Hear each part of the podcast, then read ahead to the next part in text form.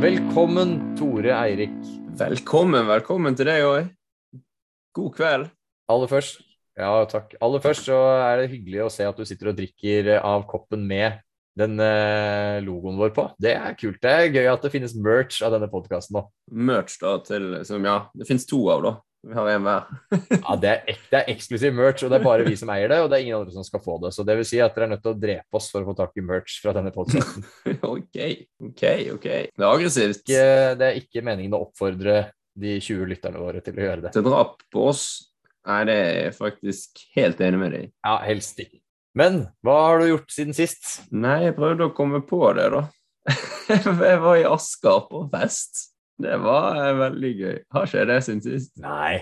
Var det helgen før? Det var siden sist, det er helt riktig. Og jeg var der, ja. Ja, det var siden sist, takk.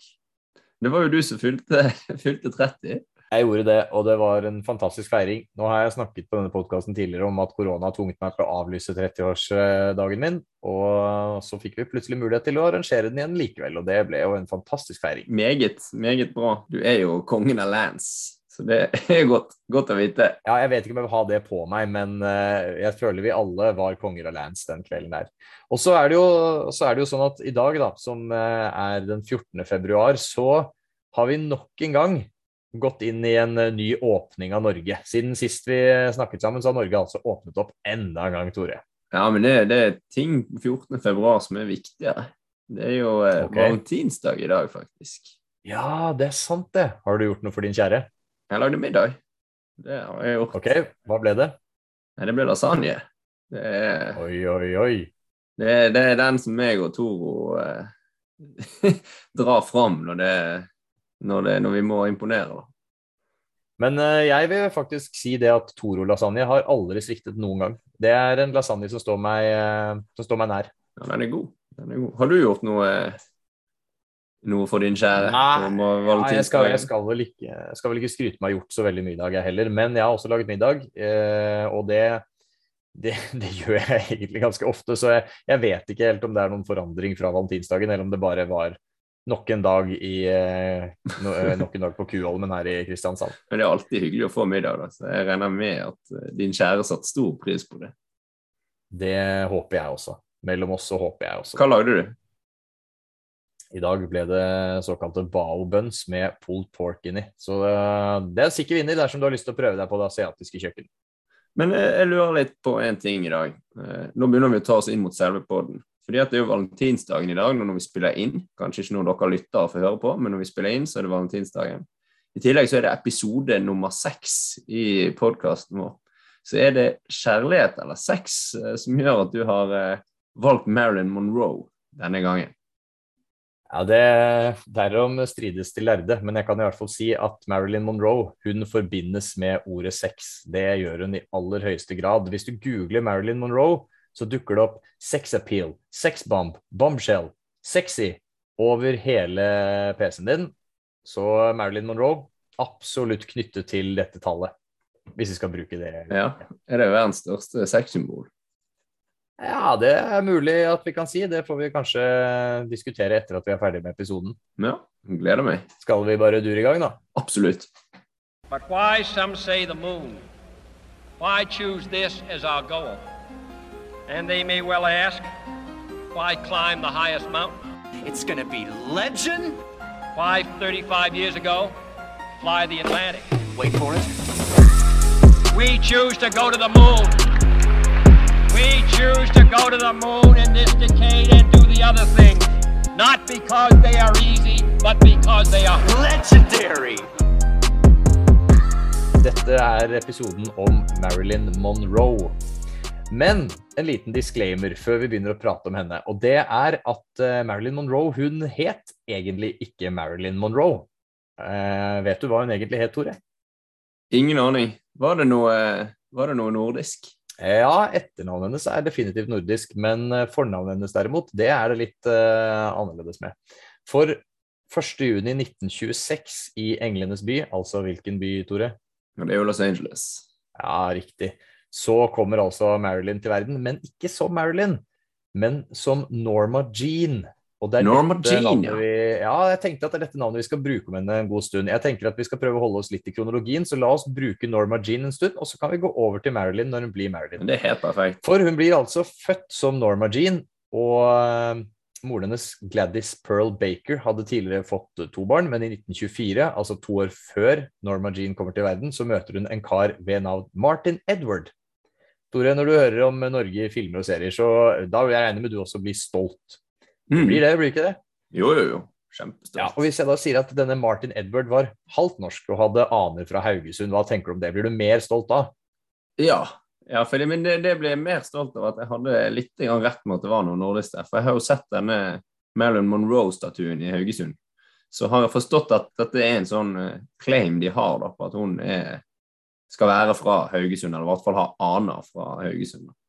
Ja, og det er jo det folk fra Haugesund må jo være de som er aller mest stolt av Marilyn Monroe-tingen, ettersom de har satt opp en hel statue av henne. Men vi skal komme litt tilbake til akkurat uh, hvor lurt det kanskje er av Haugesund å sette opp den statuen. For uansett så har det seg sånn at uh, denne Martin Edward han har en far som heter Martin, eller Martin, det spørs litt hvordan vi skal tolke det, som var fra Haugesund. Og så utvandret han til Amerika, og det er altså slik denne koblingen oppstår at Norma Jean Mortenson, eller Mortensen, ble født eh, Mortensen nettopp fordi at hun hadde aner fra Norge. Mortensen. Ja, Morte, Mortensen, Mortensson, derom eh, strides de lærde, men vi, vi har De strides strider så mye, de. Ja, de strides så mye. Jeg skal si det mange ganger i dag òg. Men uansett så er den linken der ganske omdiskutert. For det er nemlig slik at Marilyn, eller Norma Jean, hun er gjenstand for diskusjon når det kommer til farskapet. For bare noen måneder etter at, eh, etter at eh, moren hennes og denne Martin Edward gifter seg i eh, 1926, så blir de separert. Og bare to år etter Norma Jeans fødsel, så er de offisielt skilt. Norma Jean selv hun nekter i løpet av sitt liv for at Mortensen, eller Mortensson, var faren. Og i dag så hersker det faktisk en del tvil om hvem som var mannen bak, eh, bak Norma Jean her. Hvem som faktisk var faren. Og en myte går ut på at moren, altså Gladys, hadde et forhold til en eh, mann som het Charles Stanley Gifford, som enkelte hevder er den egentlige faren. Men at Gladys ikke ønsket barn utenfor ekteskap, og dermed så sørget de for at det var Mortensson som ble oppført som faren. Så okay. det er heller tvilsomt om Haugesund egentlig skal ha, skal ha en del av Marilyn Monroes historie, men eh, de klamrer seg nå i hvert fall fast i den og har satt opp en status, og da tenker jeg at de får kjempe godt for dette, for dette farskapet. Ja, det Jeg støtter Haugesund i den, i den kampen. Ja, jeg er Det enig. gjør jeg. Jeg er enig. Det er mye kulere hvis hun har aner fra Haugesund enn bare liksom aner fra jeg vet ikke, fra, fra USA. Det vet vi jo. Det kan jo godt være en liten dose Haugesund. Det er, jo- bare fint. Ja, og så tenker jeg sånn, altså, Med andre ord så er det jo helt tvilsomt om vi nordmenn kan ta så mye av æren for et av historiens største ikoner, men på den annen side så kan vi også si at det er fortsatt ikke helt avgjort hvem som er faren. Så dermed så kan vi alltid si at uh, det er en åpning for det. I hvert fall så er det slik at uh, Gladys og Norma Jean begge skal ha hevdet at det var Gifford som var riktig mann. Okay. Og likevel så er jo familiehistorien interessant, for Gladys var visstnok ganske ustabil. Hun hadde svært lite penger, og selv om Norma Jean skal ha hatt det fint, så blir hun etter hvert plassert i fosterhjem. I en alder av syv så får moren kjøpt et hus og overtar igjen ansvaret for henne. Men uh, ting de går kanskje ikke helt eh, på skinner likevel. For i 1934 så blir eh, moren diagnostisert som paranoid schizofren, og dette blir starten på et liv der eh, stadige opphold i psykiatrien blir normalen for Norma Jeans mor. Og Det fører jo til at Norma Jean igjen da, plasseres i ulike fosterhjem, det er barnehjem, hos venner og familievenner. Og til slutt så ender hun også opp hos morens venninne Grace, som sammen med mannen Doc har ansvar for henne etter at ting begynner å skjære seg for moren. da. Da er vi igjen i, i kallenavnenes tidsalder, eller? Ja, det er jo Ja, de har Han, han er ikke døpt Doc. Nei, det kan han umulig, kan han umulig ha hett. Hva heter man eh, hvis man eh, har kallenavn Doc? Da er man Dominic, da kanskje? Eller ja, Kanskje det mest obvious er vel doktor, men jeg tenkte med en gang på eh, Det er jo noe som Papadok og noe opplegg med de haitiske diktatorene. Var vel, eh, var vel også noe dokker, tror jeg. Her er jeg rett og slett veldig usikker. Eh, er nå i hvert fall det vi skal forholde oss til. Men denne Dock han, eh, han er ikke verdens beste fyr. For eh, det går tidvis fint, dette her. Men i 1937 så blir hun over, utsatt for et overgrep fra nevnte Dock, og blir etter hvert flyttet over til nye familie og venner. Så kaller han vel ikke, Dock er en, er en kjip fyr. Ja. Men ok, Norma Jean hun har blitt 15 år. Vi hopper litt i historien her nå. Hun har blitt 15 år, og det er 1942. Hva skjer i verden i 1942, Tore? da er det Om derom strides ikke de lærde. Da er det verdenskrig. Der er det ikke noe å strides om, det er rett og slett verdenskrig. Men livet hennes det er ikke nødvendigvis påvirket av krigen, men det mangler stabilitet. For hun er faktisk innom hele tolv ulike fosterhjem på rappen der. Og til tross for dette overgrepet og at hun ikke faktisk bor med Grace og Doc, så er det fortsatt Grace som har ansvaret for henne. Men grunnen til at de etter hvert må flytte ut av staten California, så må mindreårige Norma Jean derfor muligens tilbake på barnehjem. Det finner man en ganske fiffig løsning på. Hva gjør du hvis eh, de som har ansvar for deg skal ut av staten, og du har lyst til å bli? Jo, da må du finne, en, eh, du må finne en god grunn til å kunne bli værende. Så hva tenker du når du hører eh, uttrykket 'arrangert ekteskap', Tore? Nei, det tenker jeg på en Nei, da tenker jeg både på sånn kongelige i gamle dager, og så tenker jeg på diverse forferdelige ekteskap, egentlig, der foreldrene tvinger noen eh, sammen. Jeg tenker på tvangsekteskap.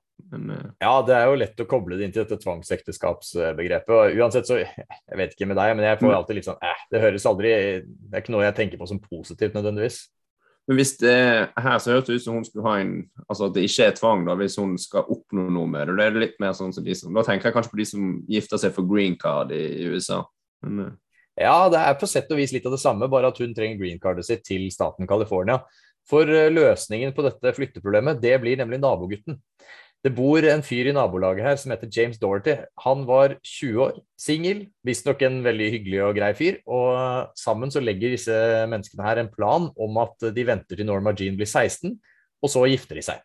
Og det gjør de. Hun ja. fyller 16, og eh, noen uker etterpå så er de gift. Og dermed så er problemet løst. Og så er det jo da en aldersforskjell her. Han er jo da i 20-årene, og hun har nylig fylt 16. Og han blir jo spurt om dette senere, og svarer da I thought she was awful young, but we talked and we got on pretty good, uttalte han også senere. Så det er jo greie forutsetninger, det. Ja, Så dette ble langt og lykkelig? Ja, det, det kommer vi tilbake til, men det er i hvert fall hyggelig å vite at de mente at de, altså at de pratet godt sammen, da. Det er jo, ja, jo, gjerne en god forutsetning for å gifte seg. Ja, den er, det er viktig. Ja, det skal ikke så veldig mye mer til. Så barndommen hennes er jo noe for seg selv. Og ja, hva er det egentlig med at de legendene vi har tatt for oss hittil, har De har ikke kjedelige og streite barndommer, de? Men de bytter ofte navn òg. Ja, de gjør det. Jeg har en liten idé om til nå at de har byttet ofte navn. De vil jo regissere sin egen eh, stjerne, nesten. Ja, er, enten så bytter de navn, eller så blir de utsatt for kjipe ting i barndommen sin. Det er liksom ingen av dem som vokser opp i et vanlig rødt hus i en kjedelig blindvei og spiller fotball og går på skolen fram til de en dag eh, blir stjerner. De legendene kommer, de òg. Det må du nesten gjøre. Vi kan ikke sitte her og si at for å bli superstjerne, så må du ha det trøblete. Nei da, de kommer. Men uansett så er det jo, det er jo sexikonet, filmstjernen og modellen som vi kjenner dagens uh, stjerne som, altså Marilyn Monroe, Norma Jean. Og det er ikke så langt fra en 16 år gammel nygift jente til et liv som modell. Det er ikke nødvendigvis det. For han Doherty han uh, gjorde som en god del andre amerikanere i 20-årene gjorde på 40-tallet. Hva, hva, tror du det er, Tore? Han drar militæret, sikkert. Han drar militæret, og han eh, skal rett og slett til Stillehavet for å krige mot japanerne. Ja, for han var så uheldig han at det var krig når han uh, Uff a meg. Ja, ja det, han kunne jo Hadde han vært, uh, hadde han vært uh, født på et annet eh, tidspunkt, så ville han kanskje sluppet unna, men det er han altså ikke. Den, den har førstegangstjeneste rett til Stillehavet. Ja, den, den, er lei. Jeg tar Madla og konsvern hver dag framfor Stillehavet. I hvert fall så etterlater jo det Norma Jean med en del nye muligheter, for plutselig har mannen hennes dratt i krig. Og Det gjør også at hun er nødt til å forsørge seg selv til en viss grad, så hun tar seg jobb bl.a. på noen fabrikker, en eh, radiofabrikk. Og Der møter hun på en fotograf som skal ta bilder av kvinnelige arbeidere. Ideen er vel at de skal ta bilder av disse kvinnelige arbeiderne for å vise at se her, kvinnene bretter opp ermene og jobber mens mennene er ute og kriger, og se hvor god moralen er. Det er ikke måte på hvor fint det er å jobbe på fabrikken. Og øh, han, øh, han, fotografen han ser at, øh, at, unge Norma Jean har et talent, og de innleder et samarbeid som resulterer i at hun signerer sin første modellkontrakt i 1945, altså helt mot slutten av krigen. Og denne modellkontrakten er noe av det som er med på å gjøre henne kjent. For karrieren tar ikke nødvendigvis fullstendig av, men hun blir likevel brukt til en, såkalt, eh, til en del sånne såkalte pinup-bilder. Ja. Som ut ifra hvordan jeg forstår begrepet, det er litt det samme som en glamourmodell er i dag. Så hadde hun levd i dag, så er det mulig vi hadde plassert henne på forsiden av Vi Menn sammen med Gry Tarja fra Vikersund, f.eks. Ja, så, okay. ja, altså, in, Inntrykket er vel eh, at det kanskje ikke er de mest glamorøse Eller det ligger kanskje litt i uttrykket, da, men at det er, det er ikke de mest, eh, de mest sånn eh, prestisjefulle modelloppdragene, men noe litt mer sånn lettbeint og halvnakent. Ja, du tenker Norma fra Haugesund eh, liker, liker en god kveld på sofaen og Volvo? Ja, Norma, Nor Norma og Norma fra Haugesund hadde definitivt glidd inn på forsiden av Vi menn der. Det er det, er det ingen tvil om. Men uansett så hadde hun skaffet seg en plattform. Hun har et eh, slags navn der ute, har i hvert fall blitt litt mer kjent enn da hun jobbet på, på fabrikken. Og i 1946 så signerer hun en kontrakt med er det lov å ta vignetter i podkaster? ja, ja, kos deg. Ja, hun signerer-? Ja, hun signerer altså en kontrakt med 20th Century Fox. Eh, jeg tror ikke jeg skal ta den eh, vignetten igjen, ja, men det var i hvert fall mitt forsøk på å la de eventuelle lytterne gjette hvilket selskap det er hun har signert med. Men det er her det skjer. For som nybakt skuespiller så trenger hun et godt, godt artistnavn, og dermed så er Marilyn Monroe skapt. Og fra nå av så skal vi bruke Marilyn om vår eh, unge stjerne. Eh, det er jo likevel ikke sagt at du blir filmstjerne umiddelbart. For det som skjer, er at hun får denne filmkontrakten, spiller i noen få filmer før kontrakten utløper, og igjen så må hun ty til modelljobben. Og tilbake i denne bransjen så gjør hun noe som i ettertid viser seg å være lurt. Har du lyst til å gjette hva det er, Tore? Ettertid Nei, eh, nei, jeg vet ikke.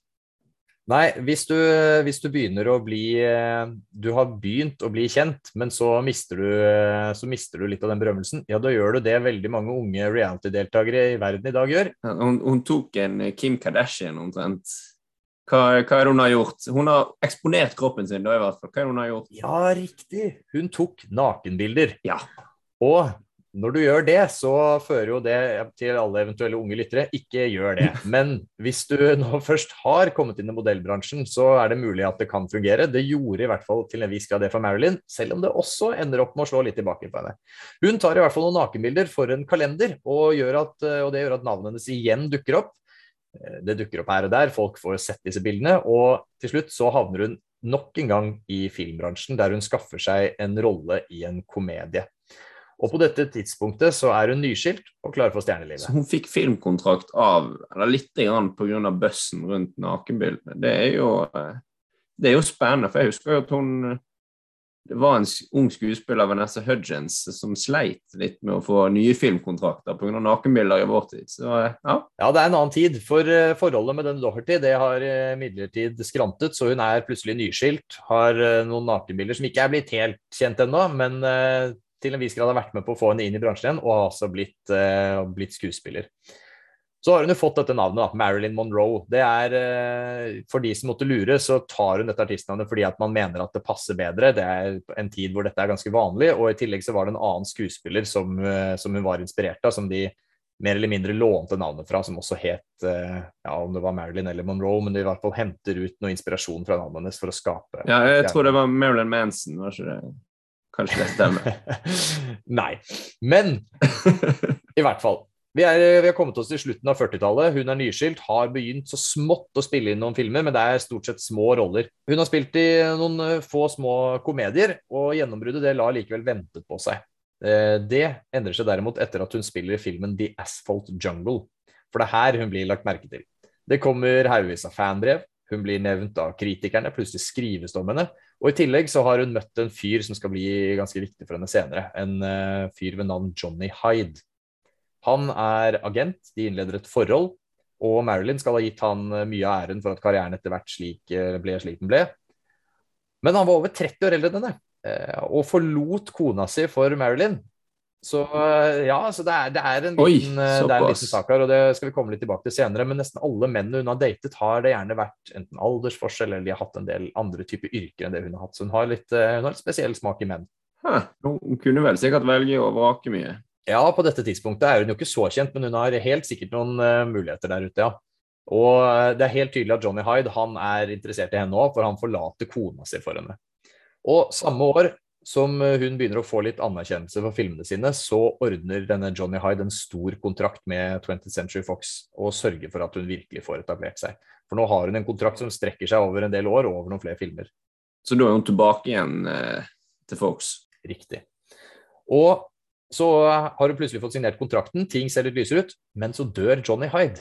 Han får nemlig hjertestans, og Marilyn skal ha tatt det blytungt. Og det er her vi får de første indikasjonene på at eh, ja, i likhet med andre vi har snakket om tidligere, så var kanskje ikke psyken hennes av den sterkeste typen, for her er det visstnok første start, eller første sted der Marilyn Monroe forsøker å ta sitt eget liv. Ja, Hun tar dette dødsfallet svært hardt og, og tar, eller forsøker å ta sitt eget liv, klarer det dog ikke.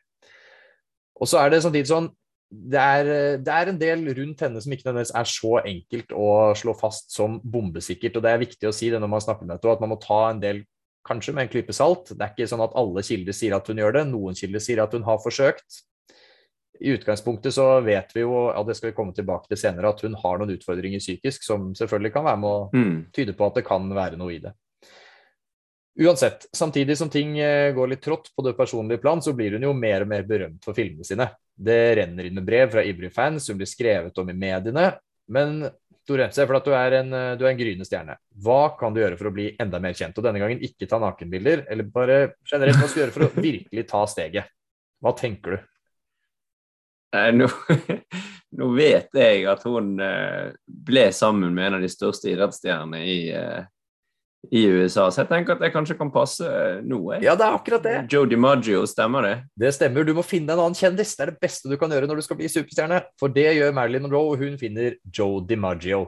Og for de som ikke nødvendigvis følger så veldig mye med på baseball, det er en ufattelig kjedelig sport, så det er helt greit om man ikke gjør det. Men Joe DiMaggio, han er superstjerne. New York Yankees-legende og en skikkelig, skikkelig stjerne. Han er jo med i en sang òg. Ja han er det. Av Simon Garfunkel. Husker du hvilken låt det er? Er det eh, Mrs. Robinson? Kan det stemme? Ja da, det er helt riktig, det. Jeg måtte faktisk nynne litt for meg sjøl i hodet, men jeg ville ikke gjøre det. Ja, Where have you gone, Joe DiMaggio? Ja, akkurat det. Men i hvert fall, baseball er kanskje verdens kjedeligste sport, men det syns ikke amerikanerne. Så Joe DiMaggio han er en superstjerne. Han er kjempekjent. Og eh, i 1952 så viser det seg altså at Marilyn Monroe og Joe DiMaggio de har funnet tonen. Det blir kaos i amerikanske medier. Dette er eh, David og Victoria Beckham anno 1952. Eh, Når du da først har etablert deg som stjerne, så er det å bli sammen med en annen superstjerne, det er noe som virkelig sørger for at du sementerer din plass på stjernehimmelen. Så det er egentlig å ta en Kim Kardashian til, da. Ja, det er jo egentlig det. Kim Kardashian må jo på et eller annet vis ha vært inspirert av Marilyn Monroe her. Det er jo, det er jo i hvert fall en dame som kan PR. Absolutt. Og Eller to damer som kan PR. ja, ja, ja. Og samtidig så er det sånn at i filmene så blir hun gjerne portrettert på måter som skulle bygge opp under et sexy image. Så hun blir umåtelig populær. Hun er eh, sexy og tiltrekkende i filmene. Hun er sammen med en eh, sportsstjerne. Hele pakken ligger liksom til rette for at hun skal gripe USA og virkelig sørge for å bli den store stjernen vi vet hun blir senere. Og så er det jo sånn at i 1953 så spiller hun i filmen Niagara. Og den blir en skikkelig snakkis. For som vi alle vet, all PR er god PR, og denne filmen viser Marilyn i tettsittende rosa klær, det er mye sminke, generelt fokus på kropp. Og dette fører jo til en sånn eufori. Folk, altså alle skal ha en bit av henne, og gjerne da pga. utseendet. Så for å sette det i perspektiv, da, så skriver New York Times bl.a. at She may not be the perfect actress at this point, but she can be seductive even when she walks. Mm, okay. Så med andre ord, med andre ord så kan hun være tiltrekkende selv når hun går. Så, eh, det, det er ikke nødvendigvis skuespillerprestasjonene hun legges eh, merke til for, det handler i all hovedsak om utseendet og hvordan hun ser ut. Og det er jo en bevisst strategi både fra produksjonsselskapet og også til en viss grad Marilyn Monroe selv, som gjerne sminker seg, eh, sminker seg utfordrende og sørger for å bryte en del normer på denne tiden. Men er du ikke litt en god skuespiller da, når du spiller på disse tingene, og det får den oppmerksomheten det gjør? Da tenker jeg med en gang at hun gjør veldig mye rett. Det kan du absolutt si. Og eh, når vi ser hvordan det går med henne etter hvert, så er det jo helt tydelig at det har absolutt noe for seg for å klare å etablere seg som den stjernen hun etter hvert blir. Men hun blir, jo, hun blir jo rett og slett en superstjerne. På dette tidspunktet så er hun på alles eh, lepper. Spiller i disse filmene sammen med Jodie Maggio, og rollene blir derfor større. Det blir flere røde løpere, mer penger. Og som med alle store stjerner så begynner det å dukke opp rykter og myter. Og her er jeg plukket litt fra litt forskjellig, som uh, har snakket litt om uh, ulike, ulike sider av Marilyn Monroe. Det finnes jo en haug med ulike nettsider og bøker og det som måtte være om henne, som alle beskriver henne som uh, ganske mye forskjellig. Så igjen så må man ta ting med en liten klype salt. Det er helt sikkert ikke alt som nødvendigvis stemmer. Men Hun skal ha hatt en del divanykker. Hun skal bl.a. visstnok ha omtalt seg selv i tredjeperson, rett som det er. Som at Marilyn var en hun kunne skru litt av og på. Hun skal ha sagt ting som 'Å, jeg følte meg litt som Marilyn i dag', eller 'Jeg følte for å være Marilyn nå'. Hun, hun begynner å få en del sånne litt sånne underlige nykker. I tillegg så ble hun etter hvert kjent for å være notorisk sent. Hun kom aldri tidsnok til noen ting, visstnok. Og fikk også utført en liten nesejobb tidlig på 50-tallet. Yeah. Som denne Johnny Hyde, altså agenten, skal ha ordnet for henne. Hmm. Tror du hun hadde klart seg som influenser i 2022, Tore? Men det høres ut som hun hadde gjort det meget bra, tenker jeg da. Ja, det tenker jeg jo. Hun har divanykkene. Hun har til og med fått på seg en liten operasjon der og har funnet seg en kjendis. Det høres jo ut som hun hadde raket inn noen millioner kroner på Instagram i våre dager. Ja, hun hadde, hun hadde overlevd. Hun hadde fått lov til å drive litt reklame på, på Instagram. Det er det ingen tvil om. Det er jeg helt sikker på. Solgt litt, uh, solgt litt tannbleking der og sånn. Hun har vært med på Farmen kjendis. Skal vi danse? Hun hadde, hun hadde fått inn penger. Ja, ingen tvil. Likevel så er, det jo, så er det jo sånn at de fleste medaljer har en bakside, og alt er ikke rosenrødt for Marilyn Monroe heller. Hun hadde signert en kontrakt som naturlig nok var basert på den statusen hun hadde da kontrakten ble signert, men etter hvert så mener jo hun og leiren hennes at den ikke reflekterer hennes nåværende verdi. Hun har signert den på et tidspunkt hvor hun er en up and coming stjerne, og får sikkert greit betalt for den, men plutselig har hun blitt kjempestor og forlanger da mer penger. Ja. Dessuten så blir hun også brukt i roller som skal spille på utseende, og som gjerne spiller litt på sex. Og så må man riktignok huske at dette er en annen tid. da. Metoo har jo ikke herjet verden ennå. og I så måte så er ikke dette så uvanlig, men hun begynner etter hvert å få litt problemer med dette og mener at dette ikke lenger er den typen karakter hun ønsker å portrettere. Mm. Og det fører til en konflikt med selskapet hennes 20th Century Fox, som blir offentlig. Og en offentlig skittentøysvask kan selvfølgelig føre til god publisitet, men det kan også være vanskelig for en person som skal eh, som skal holde seg varm i filmbransjen. Selvfølgelig. Men i 1954 så gifter hun og Jodie Maggio seg. De har vært litt av og på, de har hatt et forhold, men de gifter seg nå og gjør det offentlig for hele verden. Og dette er ufattelig stort et land som USA, og de er på alles lepper. Mediene kaster seg over det og sørger for at uh, Monroes navn det holder seg fryktelig varm. Jeg vet ikke på deg, men, eller jeg deg, men når jeg tenker på Marilyn Monroe, så ser jeg for meg eh, det bildet av henne der skjørtet blåser opp. Har du sett det bildet, Tore? Ja, det har alle sett, vil jeg påstå. Mm. Alle våre 20 lyttere har sett det bildet. ikke sant? Det er det mest ikoniske bildet man eh, Altså, tenker man Marilyn Monroe, så er det det bildet man tenker på. Ja. Og midt oppi denne striden med 20th Century Fox og giftermålet med DiMaggio, så spiller hun altså inn en film som heter The Seven Year Itch. Og det er her denne skjørtblåsescenen er fra. Det er kanskje det mest ikoniske Monroe-øyeblikket, og det skjønner også studio. Denne scenen blir ikonisk, og de får henne bl.a. til å gjenskape denne scenen i New York, der de tar bilder av henne foran pressefolk og sånn, der hun skal liksom gjenskape dette ørteøyeblikket. Men Joe DiMaggio han er ikke like begeistret. Nei. Han, han opplever det som ganske utfordrende. Muligens er det kanskje vanskelig for han å dele berømmelsen med, med kona si. Han blir i hvert fall eh, ganske så irritert på stjernestatusen hennes, og når dette bildet her og denne scenen begynner å florere, så blir han rett og slett ganske forbanna. Oi. Så bare et år etter at de gifter seg, så skiller de seg. Det er et turbulent ekteskap som ryker ganske fort. Mm. Og i ettertid så kommer det fram at Monroe mener at eh, DiMaggio var både kontrollerende og sjalu. Og det kan fort vise seg å være sant. Har du hørt om Frank Sinatra? Eh, ja da, var han òg eh, involvert her? Ja, han er det. Eh, Og Frank Sinatra er jo vel så kjent som de vi snakker om her nå. Og selvfølgelig er jo han da knyttet til USAs sosietet og skal visstnok også ha vært ganske involvert med et par lyssky typer, er det vel en del onde tunger som skal ha det til. Uansett så sitter eh, Frank Sinatra og Joe DiMaggio og spiser middag sammen i 1954, og så får de tips fra en privatdetektiv som Di Maggio visstnok skal ha hyret for å overvåke Monroe. Kan jo i seg selv kanskje være tegn på at han var ganske sjalu og kontrollerende, ja. Men i hvert fall denne privatdetektiven han finner disse guttene mens de spiser middag, gir dem beskjed om at eh, Monroe hun er eh, utro med en annen mann i et hus ikke langt unna. Og disse gutta de er jo ikke sky, så det de gjør er at de stikker fra middagen og bryter seg inn i huset for å ta henne på fersken. De samler en gjeng folk og bryter seg inn for å ta henne på fersken, rett og slett. Og det kunne jo sikkert vært lurt hvis det ikke hadde vært for at de var i feil hus. Ja. Og saken ender med at hun som eier huset, saksøker, hvor Sinatra noen år senere må i retten, og hun får faktisk en erstatning på noen tusen dollar der også. Så det kan jo selvfølgelig hende at det var noe i det Monroe mener, og at denne DiMaggio var en vanskelig fyr å, å dele livet sitt med. Hørtes ut som det var en dårlig privatetterforsker som hadde funnet feil hus. Ja, det er mye i denne historien som, eh, som oser litt eh, Nei. Så Man skal ikke bryte seg inn til, til folk uansett på den måten, men det var jo veldig dårlig at han bare kommer til det huset der. Der er Marilyn Monroe med en uh... Det er mye som oser litt røverhistorie over det nå. og det er jo litt det som jeg sier at Man må ta en del av dette med en klype salt, men det er uansett mye morsommere med slike sidespor enn å, enn å kun forholde seg til de tørre, harde fakta. Uansett, samtidig som dette foregår, så har Marilyn Monroe hatt en eh, litt utfordrende tid med selskapet sitt, så hun starter etter hvert sitt eget. Hun eh, ønsker å ha mer kontroll over karrieren og helt sikkert tjene mer penger. Det er nok definitivt en motivasjon i det òg. Og det gjør at hun etter å ha gått fra eh, etter at hun da begynner å spille i andre roller som etter hvert fokuserer mindre på sex og utseende, så har hun begynt å få litt mer kontroll over sin egen karriere, ta litt andre steg. Og i 1955 så møter hun en mann som heter Arthur Miller. Og bare et år etterpå så er også de gift. Så da er hun altså inne i sitt tredje ekteskap. De var hyppige, den Ja, de er hyppige. De er hyppige, de er hyppige, de er det. Så altså, Bare noen år etter at uh, hun skiller seg fra den Doherty, så er det altså Jodi Maggio. Og så går det en liten stund før hun skiller seg fra han, og så er det Arthur Miller, som også går fra kona si for å bli sammen med Marilyn Monroe.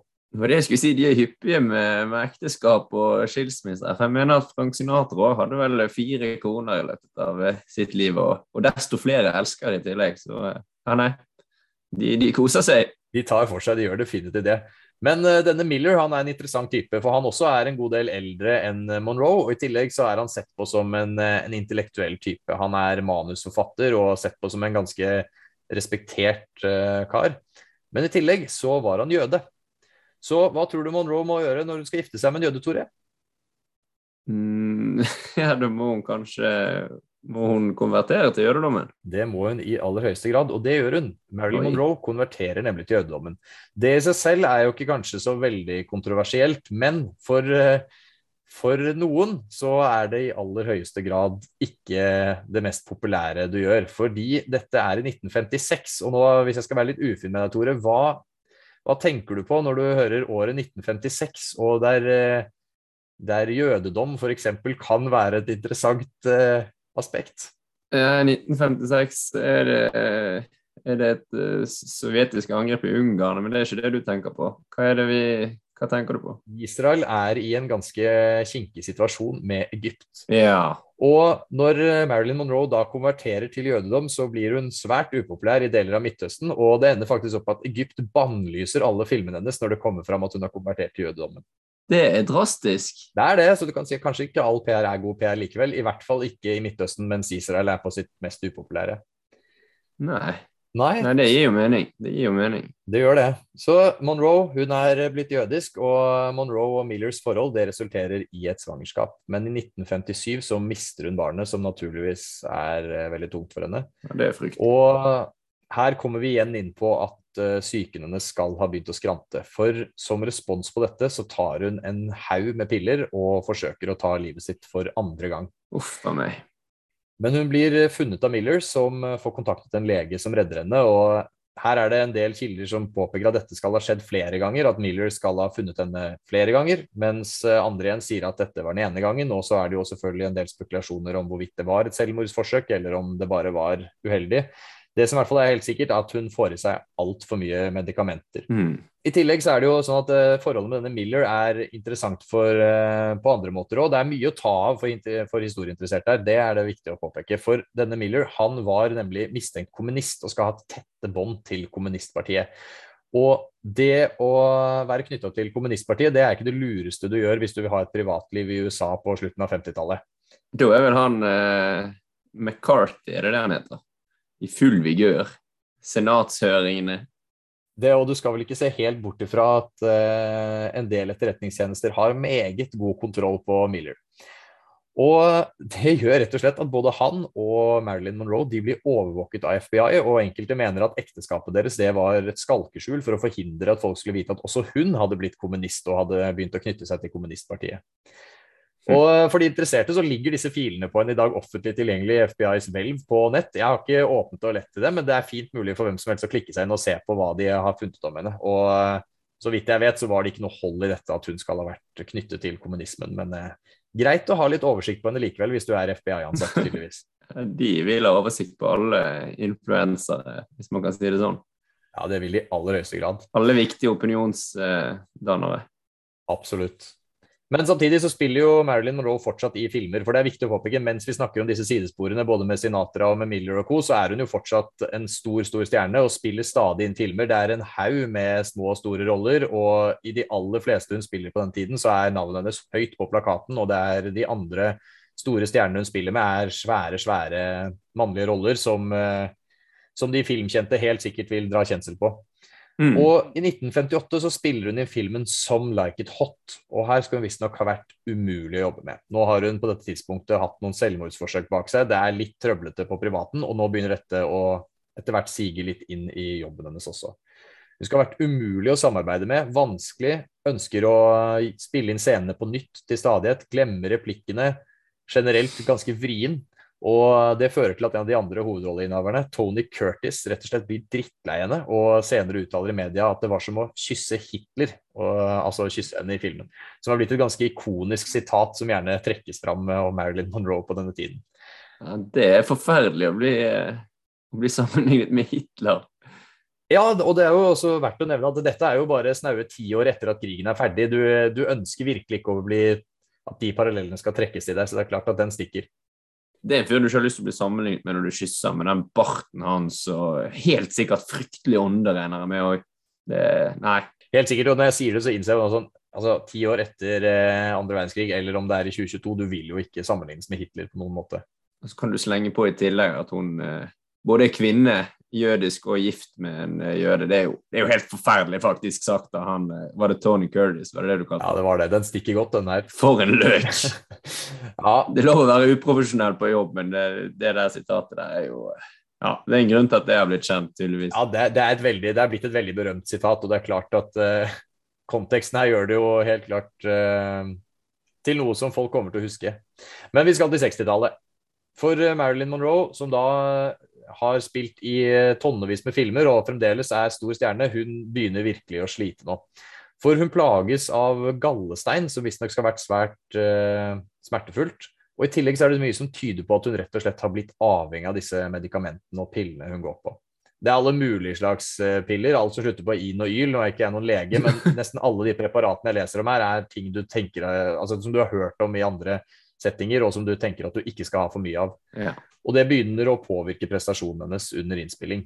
Det er jo skjedd i nevnte filmen, men også ekteskapet med Miller skranter etter hvert. Mm. Og under innspillinga av hennes eh, siste film, The Misfits, så må hun rett og slett på sykehus for en rehabiliteringsperiode på en uke. ja, det er såpass, ja. Og til slutt så ryker ekteskapet med Miller, og hun må gjennom både sykehusopphold, operasjoner og også en, eh, gjennom en periode med behandling for depresjon.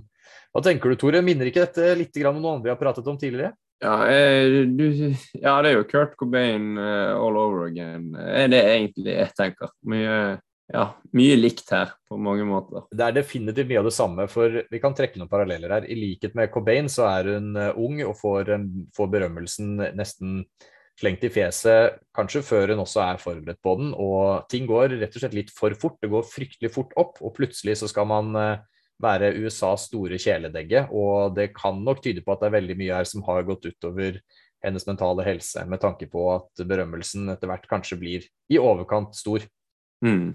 I hvert fall så er det sånn at I 1962 så har helsen hennes begynt å bli et problem for karrieren, og hun får ikke lenger fullført filmprosjekter. Tidligere så har hun vært vanskelig å jobbe med, men hun får i hvert fall dratt filmene i land. Men på dette tidspunktet så begynner det å bli vanskelig for henne å fullføre prosjektene. Og Samtidig så er hun fremdeles stor stjerne, berømt og kobles eh, likevel til andre stjerner. Og på dette tidspunktet så har jo USA en stjerne av en president, eller hva, Tore? Ja, da eh, er det jo sistemann. Når du snakket om eh, fiffiteten i, i USA på, på 50-60-tallet, så var det jo én mann som, som ikke ble nevnt der i sted, med Sinatra og, og co. Det er jo JFK, selvfølgelig. Ja, det er gode gamle JFK. For uh, Marilyn hun skal selvfølgelig vikles inn i gode gamle Kennedys uh, liv også. Hun drar nemlig til en uh, tilstelning og synger 'Happy Birthday, Mr. President' for Kennedy i full offentlighet i anledning bursdagen hans. Og det i seg selv er jo er jo stort når en av de store filmstjernene i USA drar for å synge bursdagssangen i en, eh, i en eh, kjole som får henne visstnok til å se nesten naken ut. Og selvfølgelig hiver jo mediene seg over dette. Men i tillegg så har det jo vært grunnlaget for nok et rykte om Marilyn Monroe. Var det en affære der, f.eks.? For, for Monroe hun skal visstnok ha hatt affære med både John og hans bror Robert.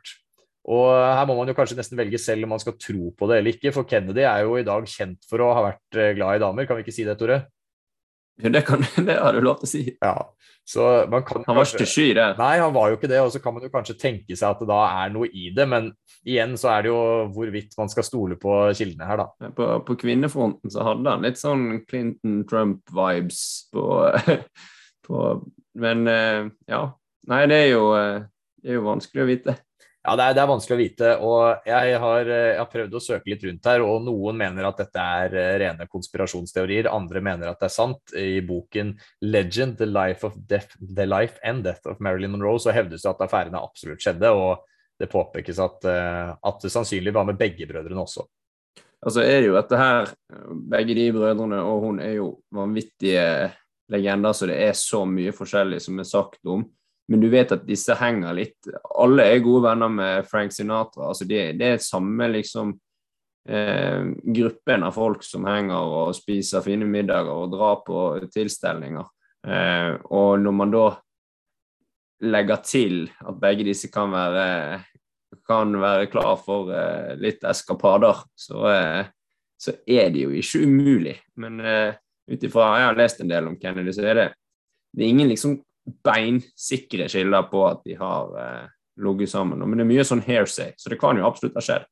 Så vet vi òg at presten på den tiden her, de skrev jo ikke om eh, utroskapen til eh, presidenten. Det er akkurat det. Så det er klart at det er mye, mye som ligger til grunn for at man kan få disse ryktene nettopp ved at ting blir dysset litt ned. Og så er det også sånn, hvem liker ikke en god, et, et, godt rykte, og spesielt om to så kjente personer som dette.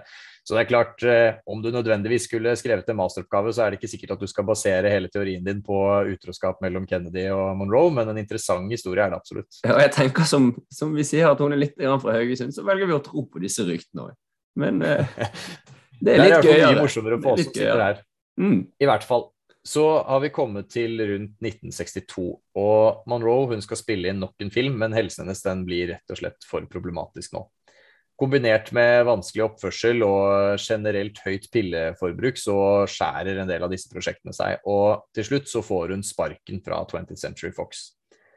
De prøver riktignok senere å ordne opp, hun har jo fortsatt navnet, og de har en periode der hvor det er ganske vanskelig. De forsøker å svartmale henne og jobber litt sånn rett og slett for å, for å ødelegge ryktet hennes, før de etter hvert prøver å få til en slags eh, ordning. For det er klart at å ha Marilyn Monroe i stallen sin er jo en garantist for penger.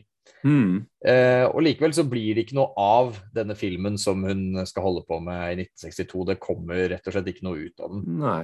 4. august så er det slutt. For eh, Monroe hun har tilbrakt eh, litt tid hjemme i huset sitt, der hun eh, har en husholderske som normalt sett er innom der en gang iblant, men som denne gangen sover over.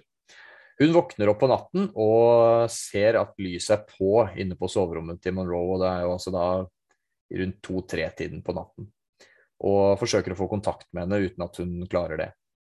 Det som skjer da, er at hun eh, begynner å banke på døren, og desperat så ringer hun til Monroes egen psykiater, som har behandlet henne for en del av problemene eh, senere. Han eh, kommer til huset, klarer til slutt å få knust et vindu og bryter seg inn på rommet, der han finner Monroe død.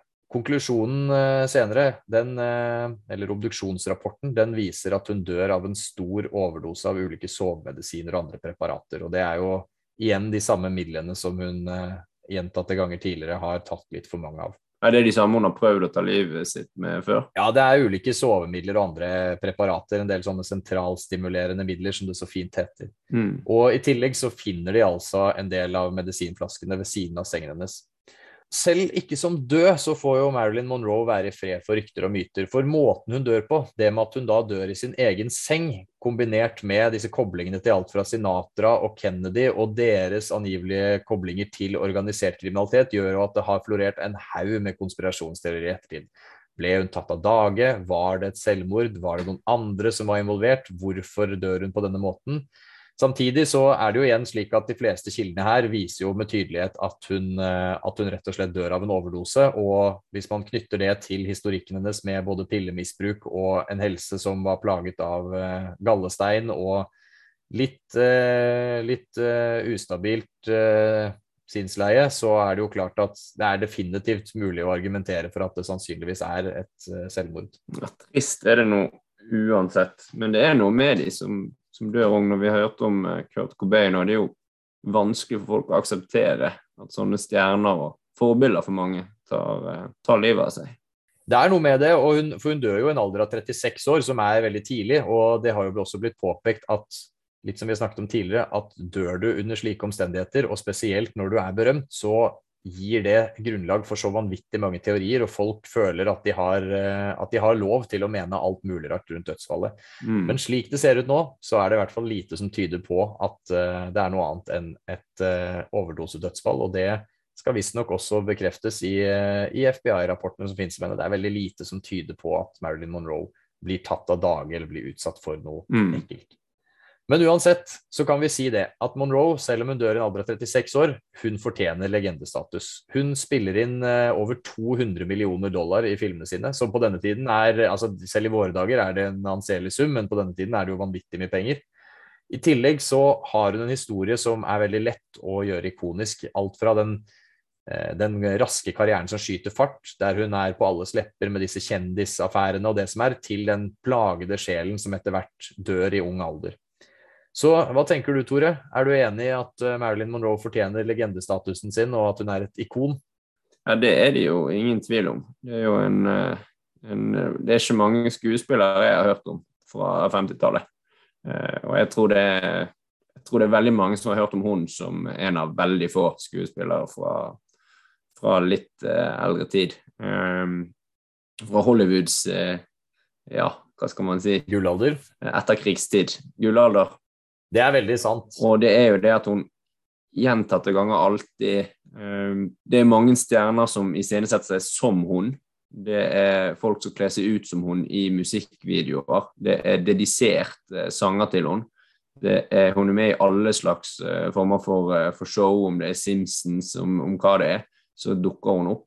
Det er statue i Haugesund. Senest på bussen i dag i, i Bergen så jeg en sånn reflekskampanje fra, fra Skyss eh, altså de som driver bussen her i Bergen, og da var det bilde av eh, Marilyn Monroe sitt hode i liksom med refleksfarger på.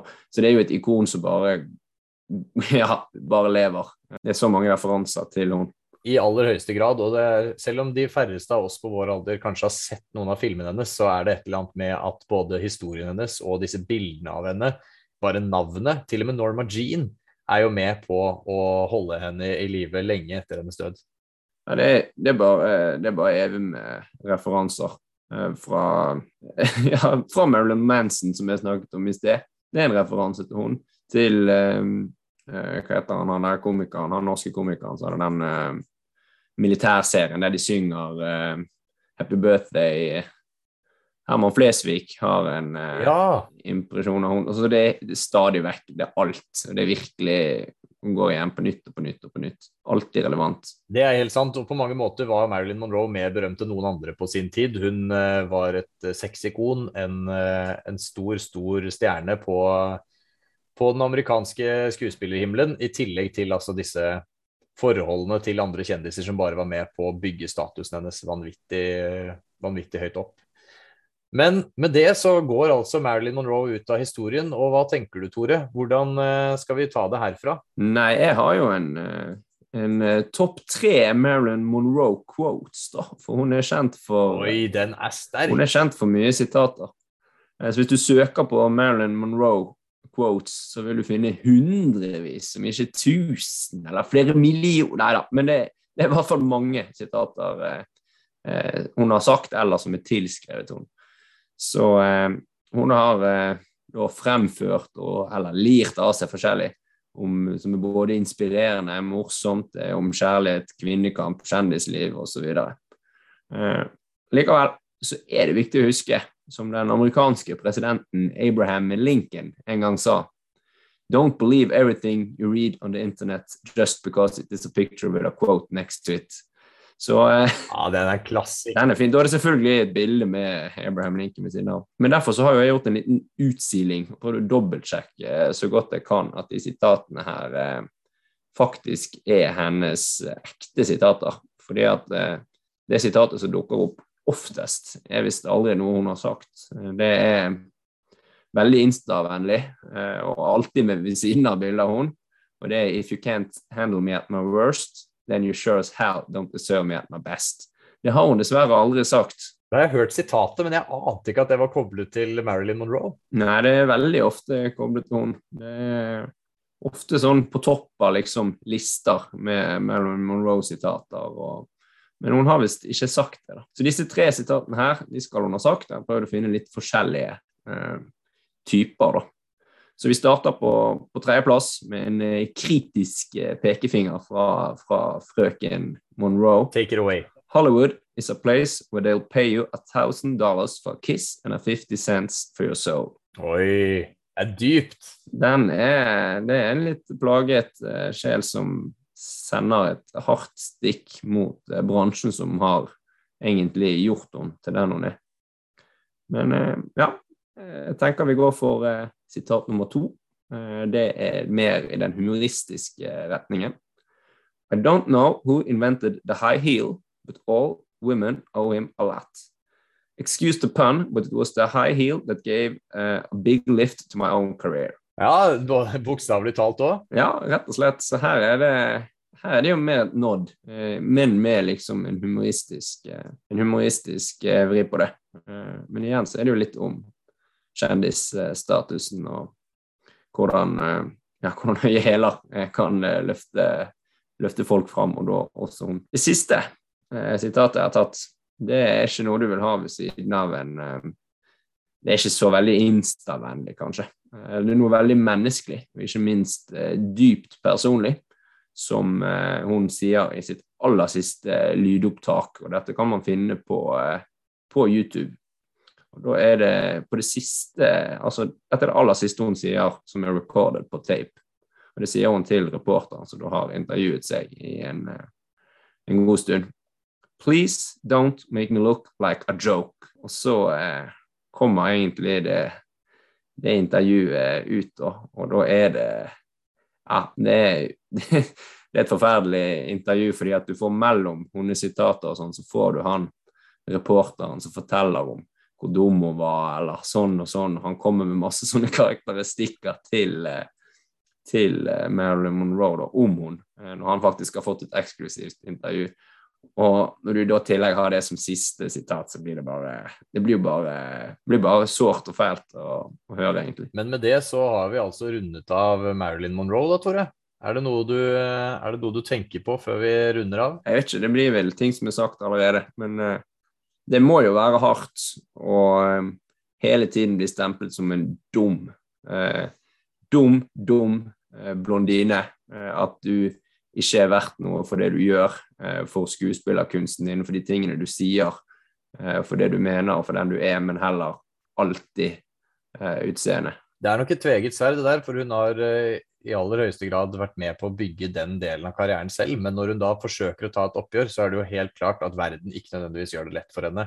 Både med tanke på en mannsdominert bransje, men også det at å skulle gå fra å være en, eh, en eh, komiker som, som hun faktisk er en periode når hun spiller i disse komediene, i korte, tettsittende kjoler og med mye sminke, og deretter skal ta ansvar for egen karriere og bli en respektert og mer anerkjent skuespiller, så får hun altså store utfordringer med å, med å kjempe seg til den posisjonen. Med det så tenker jeg at det er på tide å runde av dagens podkast. Og med det så sier vi takk for oss, gjør vi ikke det? Det gjør vi. Pasta la vista. Ha det bra.